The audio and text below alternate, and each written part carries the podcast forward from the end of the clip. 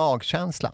Bristfällig kompass. Kaffepaus på jobbet. Nödvändig. Mobiltelefon. Det handlar inte om skärmtid, det handlar om hur du använder skärmen.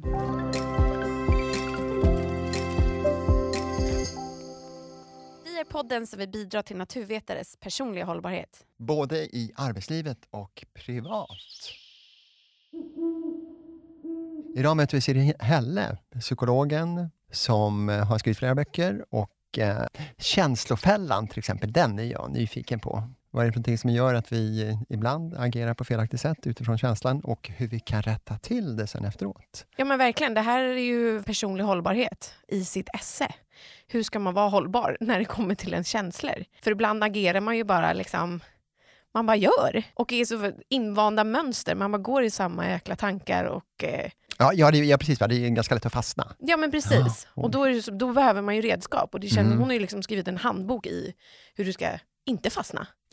Verkligen, Ja. verkligen. Sen håller hon på med KBT-terapi Mm. och eh, det är väl lite det hon utgår ifrån, vad jag förstår, när hon behandlar patienter. Mm. Ja men precis, och KBT är ju verkligen så att det är ju beteendeterapi. Alltså du får ju lite så här uppgifter, du får verkligen redskap, inte bara sitter och babblar med någon och bara “jag har ångest”. Alltså, utan du får så här, okej men då får du träna på det här till nästa gång.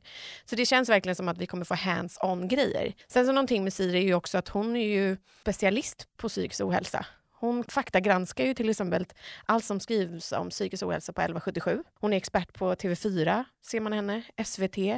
Ja, men det låter som en person att lita på. Ja, gud ja. Så jag föreslår att vi släpper in henne. Ja, men jag tror att vi kan lita på henne nog och släppa in henne. Känslor är ju fantastiska. De kan ju ge oss kraft och eh, känna så här, men gud, jag ska ta över världen. Sen kan de ju också ställa till det rejält, att man liksom hamnar i någon form av destruktiv spiral, eller tankespiral skulle jag säga.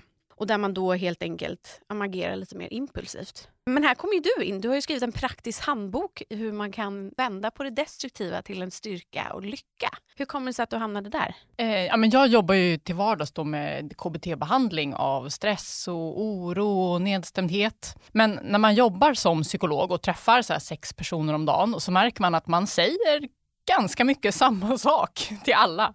Eh, och det är ofta man får höra folk som säger varför har jag inte fått lära mig det här tidigare? Så nu vill jag helt enkelt sprida det här en gång för alla. Och vad är det man vill lära sig då? Eller vad är det de säger att de önskar att de visste tidigare? Ja, men som du var inne på det här med att i grund och botten så är ju känslor fantastiskt. Det är ju någonting som har ett evolutionärt värde för oss människor. Det är ju som psykologiska program som gör att vi agerar snabbt och ändamålsenligt i olika situationer. Så eh, när vi blir rädda så drar vi oss undan och blir vi nyfikna så vågar vi oss fram och undersöker. Men så har vi också de där situationerna när känslorna inte är rätt kalibrerade. Och det är då som vi riskerar att fastna i vad jag kallar för känslofällor. Alltså att vi gör det som känns rätt i stunden trots att det ställer till det för oss på sikt. Så det med att man ska inte riktigt eh, lita på magkänslan? I alla fall inte alltid, låter det som. Det finns Exakt. fällor att gå i. Precis, vi får ofta höra det här att magkänslan skulle vara någon slags orakel som Mm. alltid leder oss rätt. Eh, och det är klart att det är viktigt att lyssna på sina känslor. För att det kan ju ge oss viktiga signaler. Till exempel då om vi har jättemycket på jobbet och känner oss stressade. Då är ju det en signal att vi behöver tagga ner. För att annars kan vi gå in i väggen. Men det kan ju också vara så att man till exempel eh, känner sig jättenervös för att göra någonting som egentligen inte är farligt. Till exempel så kanske man eh, ja, men är nervös att prata inför folk. Det är en sån här klassisk grej. Och man har alla de här katastrofscenarierna i huvudet, vad som kommer hända och sådär. Eh, men i själva verket så, när man väl testar, så är det inte så farligt. Det finns ju ganska många grejer som man gör som ger liksom en bra känsla efteråt, men som kan vara jobbig innan. Och det är väl en, det exemplet du tar upp där, med att eh, tala inför en stor grupp. kan ju vara lite en pirrigt innan förstås, men det är ju åtminstone för min del alltid en härlig känsla Alla efteråt. är ju kanske inte som du. Eller, det är många som säger också det här med träning. Mm. Jag ska inte halka in på det för mycket nu, Nikita. Nej. Nej. Nej men så är det verkligen. Och det här känslofällor, det är ju någonting vi fastnar i flera gånger per dag. Det kan ju vara att vi eh, skjuter på att göra någonting som vi egentligen borde göra. Eller att vi är nervösa för något som kanske egentligen är bra för oss. Eller att vi eh, fastnar i oro och ältande istället för att liksom, leva i nuet och vara glada för det vi har. Eller att vi stressar vidare fast vi egentligen behöver ta det lugnt. Alltså tusen saker som vi gör. Och vad ska man göra för att omprogrammera sig? Alltså inte fastna i den där oro och ängslan och... Ja, men jag är glad att du frågar. Nej, men, eh, för jag kommer ju då från KBT, kognitiv beteendeterapi. Och där är ju hela grunden för KBT att tankar, känslor och beteenden hänger ihop och påverkar varandra. Man brukar kalla det för den psykologiska triangeln. Och förändrar man ett av hörnen i den här triangeln så påverkas de andra två. Och oftast när vi fastnar i en sån här känslofälla så börjar vi med att försöka förändra antingen tankarna eller känslorna. Så man kanske försöker att eh, tänka positivt eller att eh, liksom, tala förnuftigt med sig själv.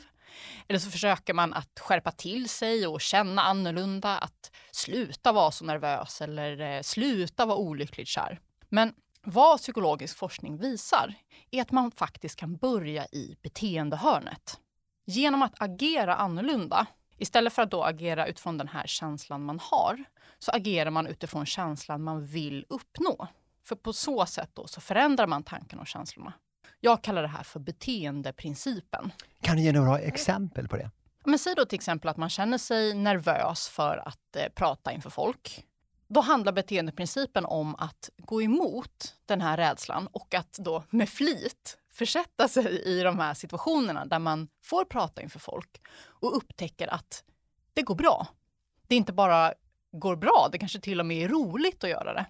Eh, och det här säger jag från egen erfarenhet för att jag är en ganska introvert person men har då med hjälp av beteendeprincipen kunnat bli en, en van föreläsare och kommunikatör. Just för att det handlar om att utmana sina hjärnspöken. Och ja, för du är ju liksom överallt, höll jag på att säga. ja, så att, så här, introvert, jag bara, jaha, vart då? ja, men då verkar det att det funkar ju verkligen. Men hur är det med liksom självkänsla då? För att där, jag vet att du brukar dela med dig typ av fyra tips för självmedkänsla. Mm. precis, så, så, i den här boken Känslofällan så pratar jag om hur man kan med hjälp av beteendeprincipen ta sig an då självkänsla, motivation, glädje, oro och stress. För att det är liksom de vanligaste känslofällorna som människor brottas med. Och vad gäller då självkänsla så är ju känslofällan att man ofta när man har låg självkänsla fastnar i att få den här snabba bekräftelsen ni vet det här med att man eh, till exempel jagar statusmarkörer eller att man kanske eh, skryter för att på så sätt liksom hova in eh, komplimanger eller sådär.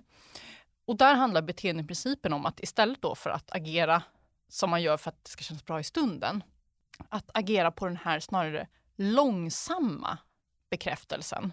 Till exempel så ser man då i forskning att Visst, det är klart det är härligt att hova in komplimanger från främlingar på krogen. Men det som verkligen bygger självkänslan, det är att ha vänner och familj som tycker om en för den man är. Där man inte behöver anstränga sig så mycket. Okay. Man får jobba lite grann alltså för det helt enkelt. Det är ingenting man får gratis eller som man eh, hovar in snabbt. Men det var ju tvärtom.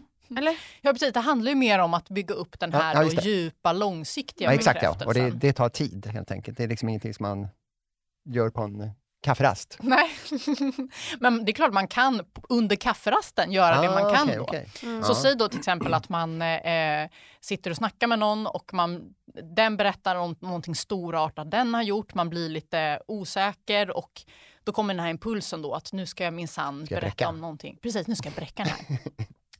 och då kanske beteendeprincipen snarare är att fråga mer, mm. visa mm.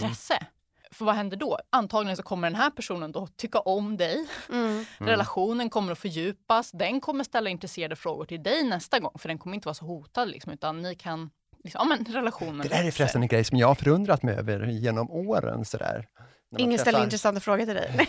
ja, nej, men, nej, jag, jag, det är inte som alla självklart, men däremot så det finns ju människor som man möter som aldrig ställer en motfråga. Och då undrar man lite grann, varför då? Mm, mm. Har du några bra svar på det? ja, nej, det, det, kan ju förstås bero på massa olika skäl. Men en kan ju vara just det att man är ganska osäker i sig själv. Eh, och att när man väl då har chansen att liksom framhäva sig, få bekräftelse, då, då tar man den varje, varje chans man får. Jag har förstått att om man lyfter andra så registrerar ju också hjärnan att så här, vi ska lyfta oss själva. För Jag kämpade väldigt länge med otroligt dålig självkänsla mm. men hade jättebra självförtroende och det krockade ju enormt för att jag kunde ju vara den här utåt sett som bara så här, här är jag! Men sen så slogs jag med mig själv mentalt. Mm. Mm. Um, och då behövde jag ju verkligen olika redskap till att liksom så stärka min självkänsla. Det är också därför jag ställer frågan. att så här, Jag vet ju att jag är inte ensam om att ha självkänsla, alltså problem höll jag på att säga. Verkligen inte. Det här är ju också intressant för att det är ju lätt att eh, gå runt med bilden av att alla andra är så himla trygga i sig själva. Bara för att det är inte det man brukar prata om på cocktailpartyn. Liksom. De flesta har ju dagar när de känner sig helt värdelösa. Eh, och dagar när de känner sig som king of the world. Så att mm. det är normalt att det går upp och ner. Men det finns ju som du säger saker man kan göra för att stärka sin självkänsla långsiktigt. Eh, jag ger ju flera tips då i boken. Men en sån sak är ju att verkligen investera i sina relationer. Att vara bjussig, ställa frågor, att eh, fira sina vänners framgångar och sådär. Eh, just för att det är någonting som brukar stärka också en själv. Men det här med jämförelse, för vi lever i en jämförelsekultur och vi är ju liksom programmerade för att jämföra oss med varandra. Och där kan det också ställa till Har du dålig självkänsla så börjar du följa de här som utåt sett ser så perfekta ut. Mm. Men man vet ju egentligen om att det kanske inte är så här, guld och gröna skogar men ändå är man där och slåss. Liksom. Vad ska man göra där? Verkligen, och där kan det ju handla om den här snabba kicken att eh, liksom, man har koll på vad det är som ger status och eh, man kanske liksom får då, hovar in likes och det känns härligt i stunden. Men där kan ju då beteendeprincipen handla om att eh, liksom försöka motstå frestelsen. Eh, att istället då för att följa eh, influencers eller personer som mest får en att känna sig osäker, att istället då söka upp, kanske man har en hobby, alltså någonting som gör att man blir mer aktiv. Eh, investera i någonting som känns mer meningsfullt snarare än då liksom de här snabba kickarna investera i en eh, hobby, höll jag på att säga, någonting som man tycker är kul själv förstås, och investera i relationer. Och gärna kanske de två i kombo. Mm. Det måste ju vara ja, det perfekt. Det var ju optimalt. Ja, ja, ja. ja. Och sen är det också viktigt eh, just att man känner att man kan eh, eh här, prestera och få känna sig kompetent. För ofta pratar vi om liksom självkänsla, att det är någonting som bara handlar om dig själv och att det är något, någonting som ska komma inifrån. Men alla människor, vi har ett bekräftelsebehov. Vi är flockdjur och det är viktigt för oss att få känna att vi är betydelsefulla för andra och får bidra. Så just att få syssla med till exempel arbetsuppgifter som man känner att man är duktig på. Det är väldigt värdefullt för självkänslan. Känna sig kompetent. Ja, ja. Du var lite inne på skryt, mm. att man skryter om sig själv och sina egna prestationer. Jag vart ju lite uppfostrad med, min mamma sa alltid att skry, eh, sa, skryt luktar illa, eget skryt luktar illa, mm, sa mm. hon. Och vi tyckte viftade bort lite, äh, vadå, det är klart man måste få skryta ja. Men det ligger alltså en liten sanning i det. Ja, alltså det är verkligen att hitta den här balansgången mellan å ena sidan då att eh, inte bli för skrytsam men å andra sidan inte heller då eh, liksom förneka sina egna liksom, prestationer och goda sidor. För det kan ju också en, en del kan ju ha väldigt svårt att till exempel ta en komplimang. Mm. Eh, att man säger så här, äsch, så bra var det inte. Men, eller såg du inte att jag missade den här grejen? Och där är ju den här balansgången att å ena sidan då inte framhäva sig själv på andras bekostnad. Samtidigt som man också då kan säga tack, vad glad jag blir när man får en komplimang. Mm, det fick jag träna extremt mycket på, att just ta en komplimang. Mm. För jag slog alltid tillbaka den. Ja. Jag sa, nej men gud, nej, men du är mycket finare, eller du var mycket bättre, du hade gjort det där så bra.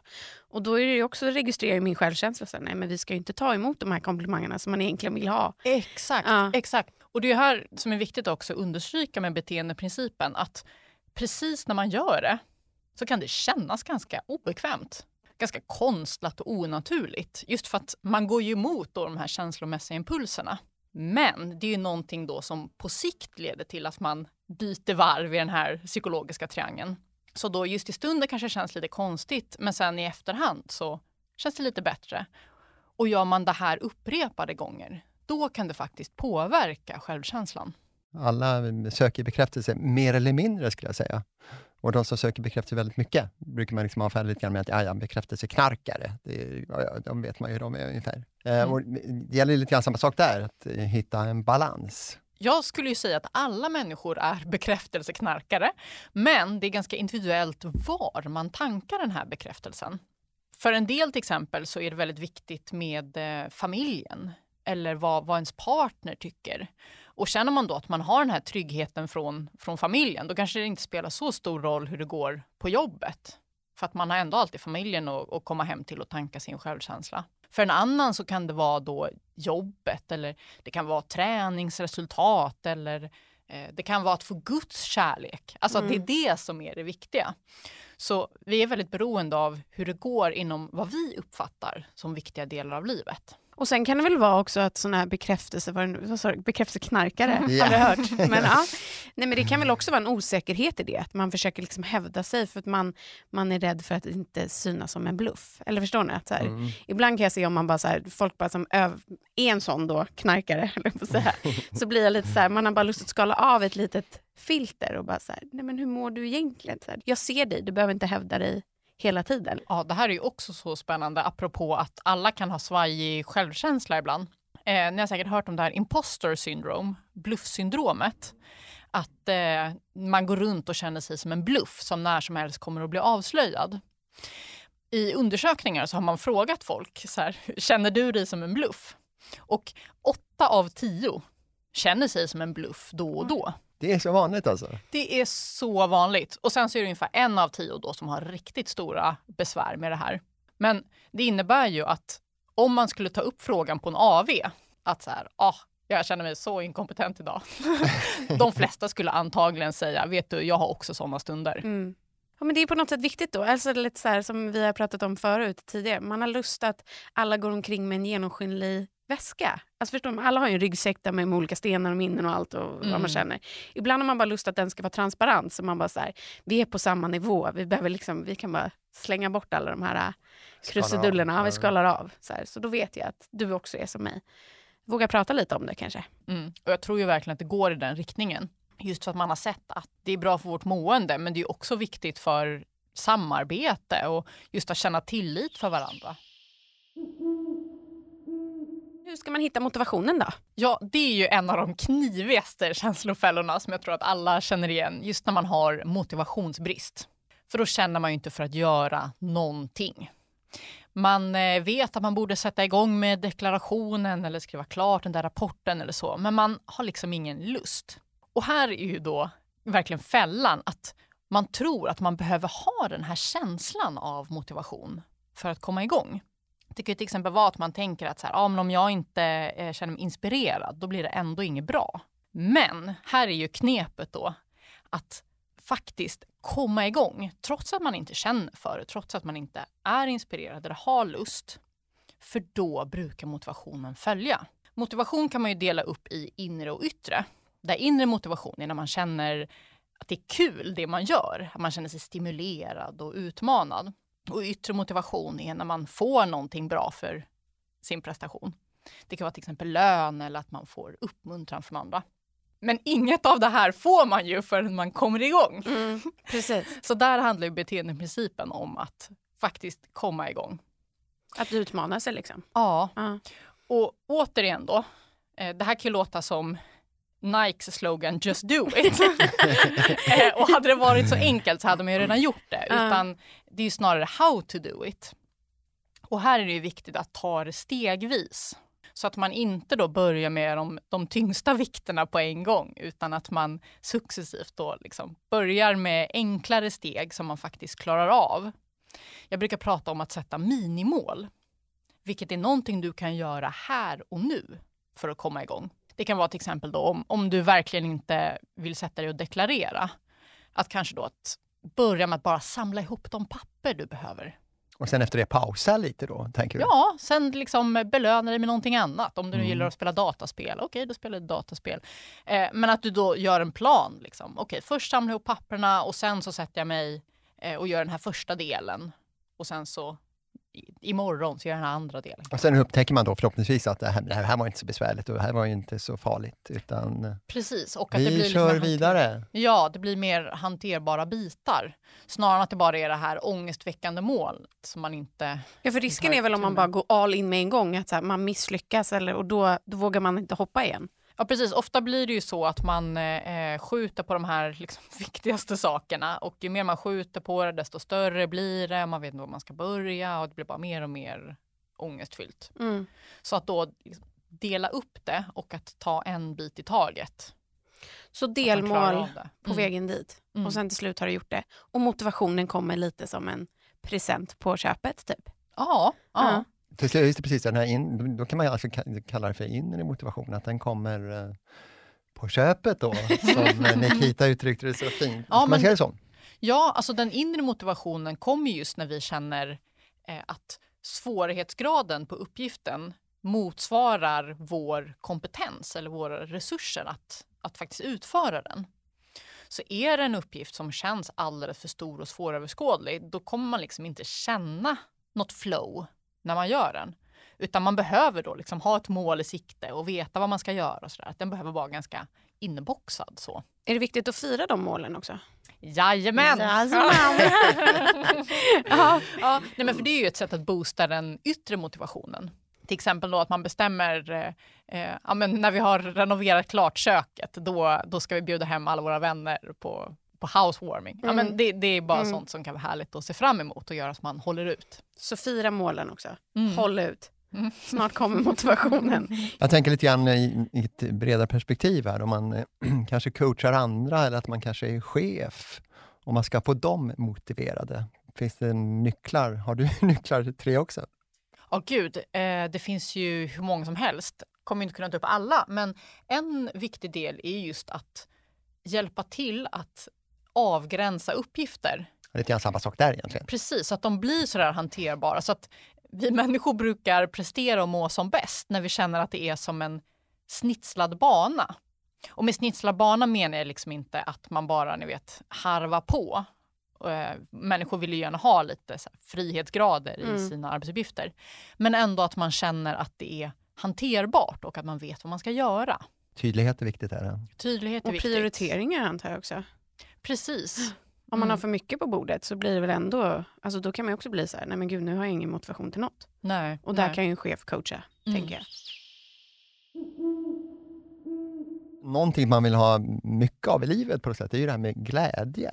Mm. Hur hittar vi glädjen i olika saker? Det här är ju så spännande. När människor känner sig nedstämda, det, det finns ju liksom någon, någon hypotes om varför vi har då positiva känslor som glädje.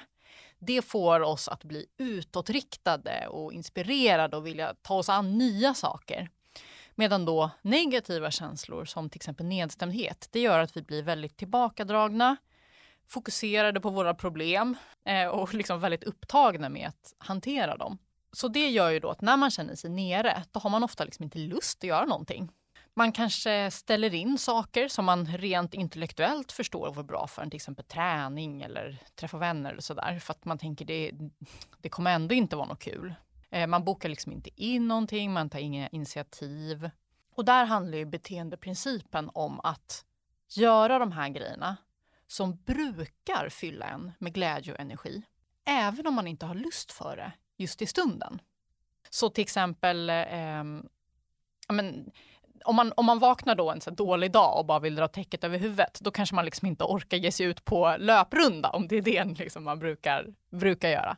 Men man kanske i alla fall orkar eh, eh, ringa en kompis, eller vet, ta en promenad. Eh, och att det kommer fylla en med mer glädje än om man hade legat kvar i sängen och bara grubblat över hur dåligt man mår. Så det sämsta man kan göra är att inte göra någonting. Ja, det sämsta man kan göra är ju att följa den impulsen eh, och bara ligga kvar i sängen och, och tänka på hur jobbigt allting känns. Men det låter ju också som man ska göra rätt sak. För jag tänker att om jag då har, ligger där i sängen och vill dra huvudet över, eller huvudet över täcket, täcket över huvudet. ja, beror på hur det ser ut. Eh, nej men att då är det viktigt att det, det är då som du säger en sak som har tidigare gett mig energi. Så man inte ringer den här slukar energikompisen eller går med den här på bio med den här personen som bara ah, pratar om sina problem. Utan det ska vara liksom rätt typ av sak, antar jag. Ja, för det kan ju också vara då en, en känslofälla att man, eh, om man inte står ut med att känna sig nere, så kan det ju vara att man hugger på första bästa distraktion. Till exempel att man sitter och slökollar på Youtube timme ut och timme in, bara för att slippa vara i sitt eget huvud. Och det kommer jag antagligen inte göra en på bättre humör. Det kommer bara skjuta upp den här nedstämdheten. Utan det är viktigt då att jag brukar ge tipset att här, skriva en lista Mhm. på vad, vad brukar vara då dina må bra-aktiviteter som faktiskt brukar få dig på bättre humör. Så att du bara kan ta någon av dem. Det låter lite som så här återhämtningslista nästan. Som Mm. när man är stressad. Att då, man, då brukar man ju ha så här återhämtningslista. Så här. Ja, Det är ju perfekt. Ja. Ja. Logiskt. Skriver listor menar Ja, ja, mer listor. Mer listor folk. Jag Du är älskar gladare. Mm. Ja. Och sen så, det är viktigt att understryka här att det handlar ju inte om att fejka känslor som du inte har. Och så är det överlag då med beteendeprincipen, att det kan ju låta som så här fake it till you make it, du vet. Men att, att, att gå på fest och stå och liksom skratta och le ansträngt när du egentligen bara känner dig tom inombords, det, det kommer inte funka. Nej. Utan det här handlar om att känna det du känner samtidigt som du agerar annorlunda. Så man ska liksom inte lura sig själv där riktigt. Man kan eh, bedra sig själv lite grann, det här första steget, så att säga, att göra någonting överhuvudtaget. Nej, men tänker att det handlar Men om däremot att, så får att, det får att- liksom inte gå för långt, man, man, man, kan inte gå och låtsas. Nej, precis. Utan det kan ju vara att man säger då, om, om eh, kollegorna frågar sig, ah, ska du hänga med på AV? Eh, och man känner att man så här, känner sig ganska, ganska ner. Att man säger då så här, ah, vet ni, jag känner mig inte på topp idag, men jag hänger gärna med ändå. Eh, och att man går på AWn och man försöker engagera sig i samtalen och styra in det på det där som brukar intressera en och sådär. Men man behöver liksom inte sitta och fejka att man är glad. Nej. Nej, är ni med det. på vad jag Ja, menar? jag där? fattar exakt. Ja, Mm. Och man behöver kanske inte vara den alltså, som liksom står på bordet och eh, fejkar att man har hur mycket energi som helst. Nej, liksom. exakt. Utan bara vara. Och då har man ju på något sätt med den kommentaren också sagt lite standard. Så här, jag är inte på topp men jag följer med ändå. Då har man ju också på något sätt gett sig själv ett plåster att så här, det är okej att vara lite halvlåg men jag kan ändå vara trevlig att ha att göra med. Eller förstår ni vad jag menar? Ja, absolut, Ja. absolut. Och sen, men då får man ju ta de här frågorna som, som kan komma. Men vad är det med dig ikväll? Det händer ju. Du menar när man är lite lägre? än Ja, man just det, brukar precis. Ja. Och då kan jag vanliga? känna att man liksom sjunker ner ytterligare. När man får den kommentaren menar Ja, du? ja. Mm. Mm. Och där är väl frågan då om man vill, om det är tillfälle att faktiskt fördjupa relationen. Att, att, Ja, är att svara är ärligt på den frågan. Mm, Mm. mm. Eh, för det kan ju vara då att den, om man går igenom skilsmässa liksom, så kan det ju vara att den som frågar också har gått igenom skilsmässa och att man faktiskt kan bonda över det och få, få värdefullt stöd. Eller om man tror att så här, ah, det här är bara en störig festbrisse, eh, då kanske det är bättre att bara vifta bort det. Liksom. Ja, ja, det, Mm. ja, preris. Man får liksom ha lite koll på lite känsla där. För att jag menar, vissa sårbarhet är väl också en, eh, bra att kunna göra. Verkligen. Och det är också ett sätt att eh, öppna upp för andra att göra samma sak. Mm. Jag har ju många klienter som inte vill vara till besvär och därför inte söker stöd hos människor i sin omgivning. Och så frågar man så här, okej, men om, det här, om din kompis mådde så här, Mm. De säger så här, herregud, ja, men då hade jag velat veta, då hade jag ju velat stötta den. Liksom. Eh, men det är klart att den kommer inte heller visa hur den mår om det inte är så er relation ser ut. Liksom. Om ni Mm. inte kan vara öppna med varandra. Och där är det viktigt att man själv också kan ta första steget för det. Och det är ju en styrka att visa sig sårbar. Det är så Ja. himla länge det har varit något så här täcke över att man ska bara vara så här stark och perfekt och boom, bita ihop. Liksom. Men det är ju det är ju fler, alltså jag tänker så här, alla ens idoler när man växte upp, man tänkte så här, de var ju uppe på liksom pedestal, men alla de idag vet man ju har gått i terapi, alltså har jobbat med sig Mm. själva, har Mm. visat sig sårbara. Men det känns på något sätt som att det lite börjar luckras upp. Alltså om jag jämför med så här, mina föräldrars generation, min mormor känner jag, men hon vill ju knappt vara på hemmet, hon kan bo och tälta utanför. Så här, jag ska inte vara till besvär. Det är ju verkligen den gamla skolan. Men det känns lite som att idag är plattformen mer ja, men byggd. Alltså vi pratar om psykisk hälsa på ett helt annat sätt. Vi pratar om Verkligen. sårbarhet och vi pratar om självkänsla och eh, självkritik och sånt. Mm. Ja, det har hänt otroligt Mm. mycket de senaste åren. Verkligen. Men det behövs ju mer. Alltså Ja, för det är ja. ju, jag läste senast idag, fyra till livet av sig varje dag i Sverige. Mm, mm. Jag skulle vilja egentligen få in typ så här, ja men kanske din, dina tips i skolan. Alltså förstår du? Att man skulle få det på skolschemat. Att man liksom stärker individer från sexårsåldern. Vad glad jag blir att du tar upp det här. Ja, men jag menar, ju psykisk faktiskt- hälsa på skolschemat, för fan. Verkligen! Ja. Eh, Jag var faktiskt med och skrev en debattartikel som var i DN här tidigare i våras. Just om att man Mm. borde införa psykisk hälsa på skolschemat. Det finns ju jättemycket forskning som visar att det förebygger ohälsa Ja. senare i livet. Och jag vet flera organisationer som liksom slåss om det. Mm, jag skrev på någon mm. papp- papper eller någon namninsamling Ja. senaste veckan. Ja. Liksom. Ja. Ja, men därför gör så mycket, för det ger ju också ringen på vattnet i samhället sen. Mm. Alltså vad blir kostnaden? Ett livslångt utanförskap kostar flera miljarder. Ett sånt liksom. Nej men det är så bra för, för samhället. Mm. Som sagt då, att man förebygger en massa liksom, kostnader inom vården och socialt arbete och Mm. på arbetsmarknaden och sådär. Ja. Vi har ju Verkligen. väldigt mycket utbrändhet i Sverige. ja. Vad gör vi med stressen? Ja, vad gör vi? Eh, nej men, och här, eh, återigen om vi ska koppla det till eh, liksom känslofällan. När vi känner oss stressade får vi impulsen att lägga på ett kol. Ja, Att jobba jobbigt. snabbare, jobba undan. Och det är ju rimligt eftersom vi kommer från en evolutionär bakgrund av att stressorer är övergående. Blir du jagad av en hyena, då ska du springa. Snabbare. Precis. Eller om det är svält, då ska du ge dig ut och söka mat.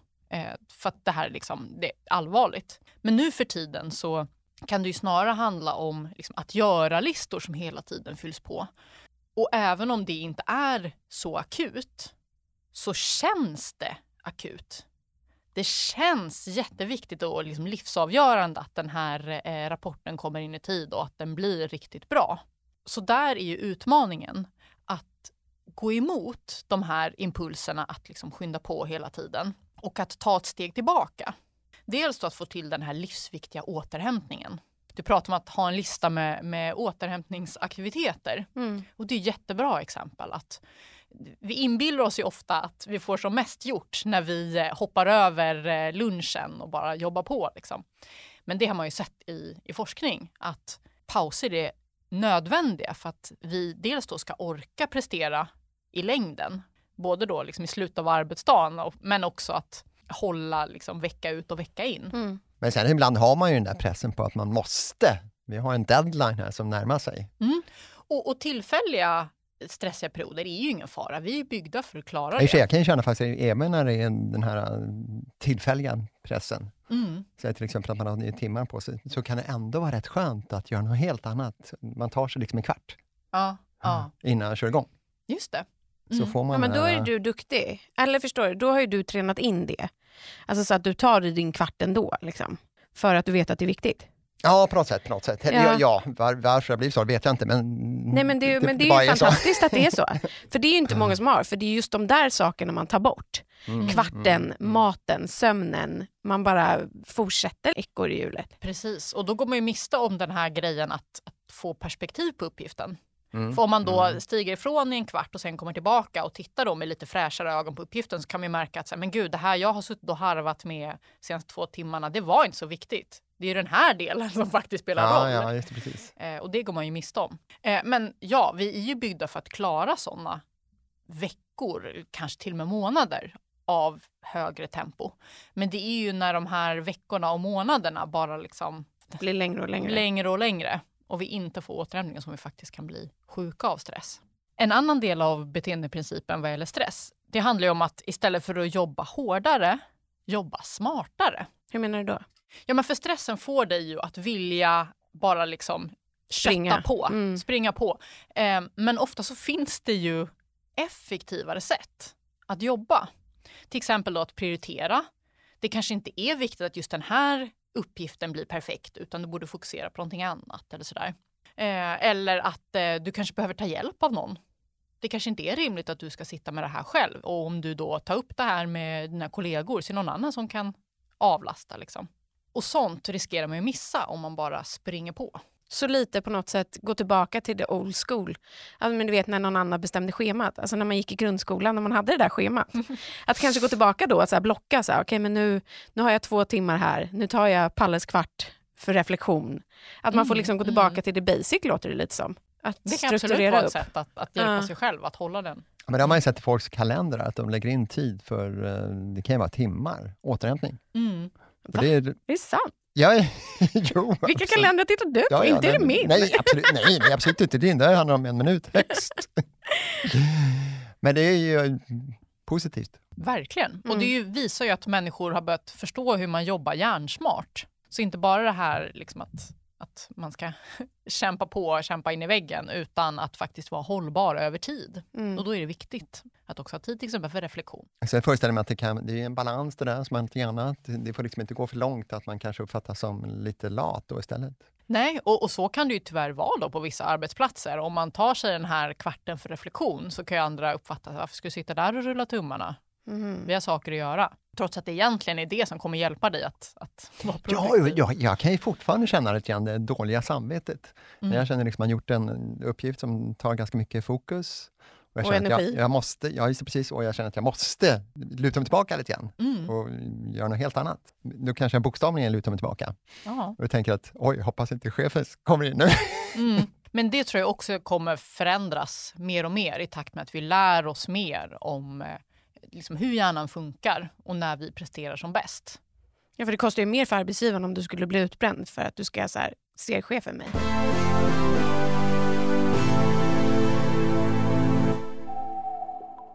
Vår eller sommar? Vår. För att då har man hela sommaren att se fram emot sen. Ah, smart. De där delmålen har jag också lite där. Det är nästan lite så. Att läsa en bok eller att se filmdramatiseringen av den boken. Läsa boken. Vem skulle du vilja äta middag med, död eller levande? Ja, men Jesus kanske. Jesus. Varför Oj, Jesus? det var stort. Nej, men det vore jättespännande att se hur han är egentligen. han har fått ringa på vattnet. Så. Ja, underbart.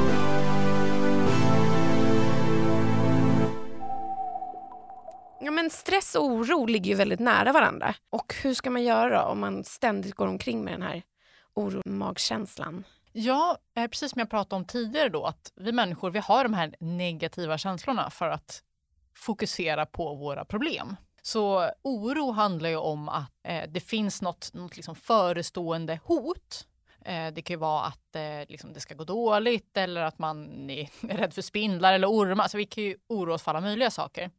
Och när vi känner oss oroliga, då drar kroppens larmsystem igång. Och det får oss att eh, liksom dels rent kroppsligt att vi reagerar. Vi spänner oss, vi får högre puls. Men också psykologiskt så är det som att vi får liksom ett hotfilter över tankarna. Det är svårt att tänka på någonting annat än det här hotet. Och vi tolkar all information utifrån då det här hotet. Så att eh, andra kanske säger så här, men gud, det är klart det där inte kommer hända helt osannolikt. Men det känns verkligen rimligt för att man har det här hotfiltret över tankarna. Då kan ju då den här känslofällan bli att man blir väldigt, väldigt upptagen med det här som oroar en. Så säg då att man, man är orolig för en presentation man ska hålla. Då kan det ju handla om att man överförbereder sig. Man skriver verkligen ett här detaljerat manus för varje, varje ord man ska säga. Precis. Eh, och när man väl står där och presenterar så liksom håller man hårt i pappret och bara står och stirrar ner för att man är rädd vad, vad man kommer få se om man tittar upp. Men och där handlar beteendeprincipen om att istället att agera som man gör när man känner sig lugn. Så det kan vara då till exempel eh, att motstå frestelsen att överförbereda sig. Så man bestämmer, okej det kanske är rimligt att jag lägger två timmar på att förbereda det här. Okej, nu har det gått två timmar, då eh, eh, släpper jag det. Och så får det gå som det går. Och att då när man står där inför publiken, okej hur, hur brukar jag röra mig när jag känner mig lugn? Ja, men jag brukar ha, vifta lite med armarna, jag brukar titta folk i ögonen, eh, jag brukar prata, inte vet jag, lite långsammare, lite snabbare, vad det nu kan vara. Och att man då agerar på det sättet. För vad som händer då är att man omprogrammerar sin inre brandvarnare, sitt inre larmsystem. Så att man visar för sig själv att den här situationen var inte så farlig som den kändes innan. Och det gör att nästa gång man hamnar i en liknande situation så drar inte det här larmet igång på samma sätt.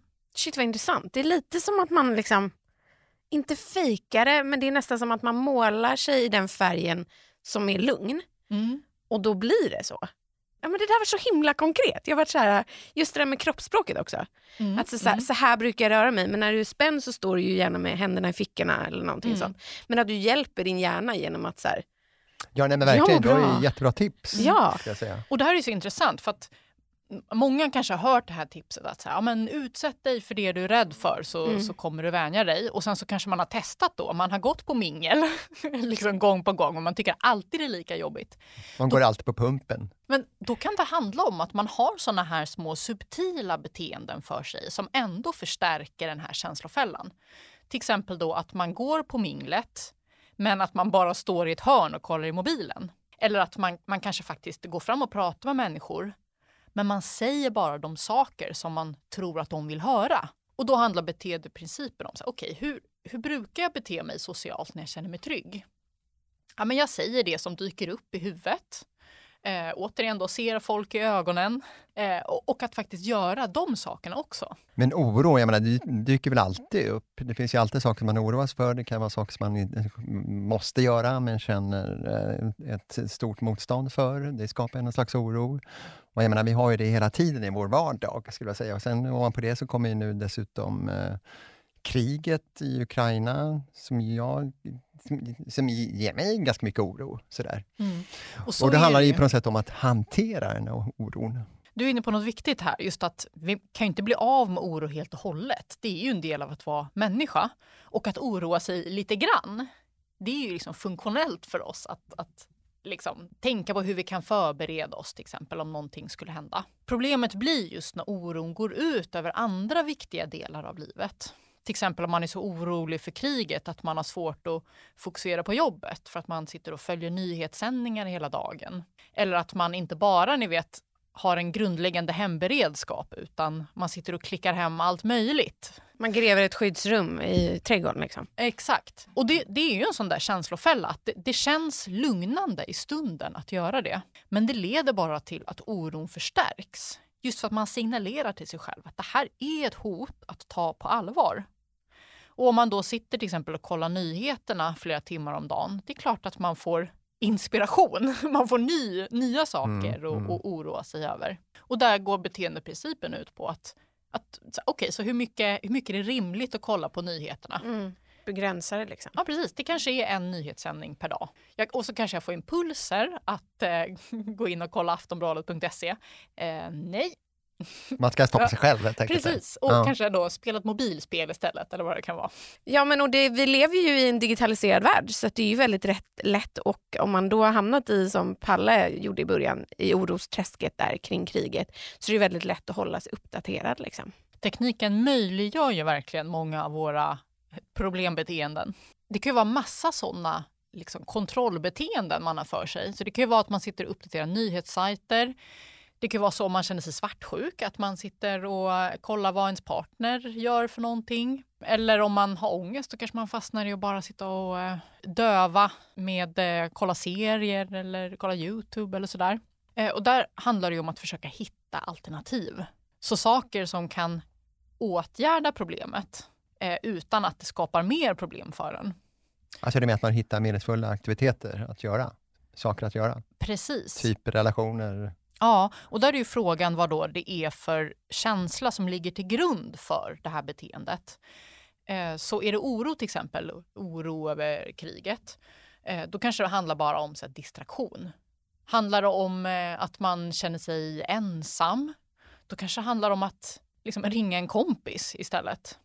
Eller att försöka hitta då, ägna den här tiden åt att hitta nya sammanhang där man kan connecta med andra. Om det handlar om att man känner sig nervös eller orolig, eh, då kan det handla om att eh, liksom, ja, men, eh, hitta distraktioner eller något som känns mer meningsfullt än att bara sitta och scrolla på telefonen. Just... Ja, men det är bland det värsta jag vet. Ibland så hamnar man ju där. Man sitter och scrollar och scrollar. Ja, men det är väl dopaminen också, är det inte så? Ja, precis. Det är, ja, det är lite missförstått det här med hur man pratar om dopamin i media skulle jag säga ofta så pratar man om det som att eh, det är liksom en drog, någonting som är beroendeframkallande. Eh, precis som när vi eh, spelar på en enarmad bandit, att man går in för att kolla liksom, vad, vad har hänt sen sist och så får man de här kickarna. Men faktum är ju att allting som, som är bra för oss ger en dopaminkick. Att äta god mat eller att bocka av någonting från att göra-listan, det kan också ge en dopaminkick. Eh, så det är inte så konstigt att vi kommer tillbaks till våra mobiler igen och igen. För visst, dels så har vi de här då, vad ska man säga, tomma surfkalorierna. Men sen så är det ju också så att vi har meningsfulla relationer online. Eh, vi uträttar många av våra viktiga ärenden online. Så att vi kan ju också få de här positiva dopaminkickarna genom våra telefoner. Allt behöver inte vara dåligt. Precis, utan frågan är ju då eh, vad är det du ägnar dig åt och hur får det dig att må? Jag har ju skrivit en bok tidigare som heter Smartare än din telefon som går igenom forskningsläget, hur vi påverkas av våra skärmar och hur man kan få en sund relation till sin teknik. Och där pratar jag om att man inte ska se på skärmar som man ser på till exempel godis. Att det är någonting som är dåligt för oss och att man ska försöka hålla nere på det så mycket som möjligt. Snarare ska man se på det som mat. Att det finns olika sorter. Och en del skärmaktiviteter, de är som sallad som man liksom bara kan frossa i och det är bra för en. Och sen så har vi de här efterrätterna som det kanske är bra att försöka hålla nere på. Och vilka är efterrätterna då? Ja, men det kan ju vara till exempel då det här liksom slöscrollandet. Mm. Eh, eller slöscrollandet kan ju vara bra om man känner att det är liksom avkopplande. Ja, för jag tänker maten då, om, vi liksom, om just om man är en person som gärna jämför sig med personer så kanske inte Instagram och Facebook är den bästa salladen. Eller liksom så här, det låter som att LinkedIn är huvudrätten. Ja, fast ändå där. Men jag tänker också så här, någonting jag har reflekterat över just med sociala medier och eh, vi, vår eh, dator i handen, telefonen, är att förut när man bröt med en person, då försvann den ur ens liv. Alltså relationen är mm. över. Men nu är den jäkeln kvar. Nej, men förstår man avslutar... Ja, men det är som att så här, man går till ett liv utan att avsluta relationer som egentligen kanske inte servar en längre. Men så kan de dyka upp där i sociala medier och så sitter man så här, ah, det gick ju jävligt bra för henne ändå. Alltså. Mm. Så börjar man sätta igång. Mm. Jättebra exempel. Och där kan ju ett sätt vara att eh, faktiskt gå igenom sitt flöde. Sluta avfölja? Typ, avfölja. Eller om det är så, det kanske är en, en, gammal kompis och det skulle se illa ut att man avföljde den. Alltså då kan man ju bara du vet, dölja, jag vill inte se den här typen av inlägg. Så att man ändå fortsätter vara vänner men ja, man mm. får inte de inläggen. Och att istället då gå in och följa konton som man känner faktiskt inspirerar en eller kanske lär en någonting eller utmanar en, vad det nu kan vara. Mm. Så att man kurerar sitt eh, sociala medieanvändande. Jag tänkte du jobbar som eh, KBT-terapeut, heter det va? Eller KBT-psykolog. Mm. Mm. Vilka skulle du vilja beskriva som den vanligaste orsaken till att de kommer till dig? Det allra vanligaste besväret är ju olika typer av ångest. Eh, och när man pratar om ångest, det kan ju låta väldigt mycket som ni vet Edvard Munchs skriet. Eh, men ångest kan ju också vara eh, liksom oro, nervositet, att man eh, undviker saker som man egentligen behöver göra just för att de, de känns jobbiga. Så det kan ju vara att man drar sig för sociala situationer eller eh, att man är väldigt upptagen med att något hemskt ska hända så att man ni vet, kollar spisen och dörrhandtaget några gånger för mycket och sådär. Påverkar ens vardag, liv i vardagen. Mm, precis. Och vi, vi har ju alla saker som vi oroar oss över och kanske känner oss rädda för. Men eh, är det så att det verkligen går ut över ens vardag, om man har svårt att göra de där sakerna som man vill eller behöver göra, då är det ju lönt att söka hjälp. söka hjälp för att det finns effektiva behandlingar. Och det är en styrka som vi pratade om. Att visa sig sårbar och prata om sin ångest är en styrka, inte en svaghet. Siri Helle, vi får tacka dig så jättemycket. Det var ett mycket intressant samtal här om eh, våra olika psykologiska tillkortakommanden och eh, vad man kan göra åt dem och att man ska försöka låta bli att gå i vissa fällor. Så att eh, ni som bara lyssnar nu får ju gå tillbaka och eh, ta del av de här tipsen. Har du några sista ord du skulle vilja säga, Siri? Det är viktigt att understryka att man kan träna sig själv psykologiskt precis som man tränar sig själv fysiskt. Att någonting som kan kännas helt omöjligt idag kan man då, om man tränar med lätta vikter i början, ta bara mig som exempel då som var eh, nervös och introvert och eh, nu kan prata i media. Det, känns ju väldigt befriande ja, tycker jag. Mm. Att det, det finns hopp. Du kan bli en bodybuilder. De flesta problemen kan man övervinna faktiskt.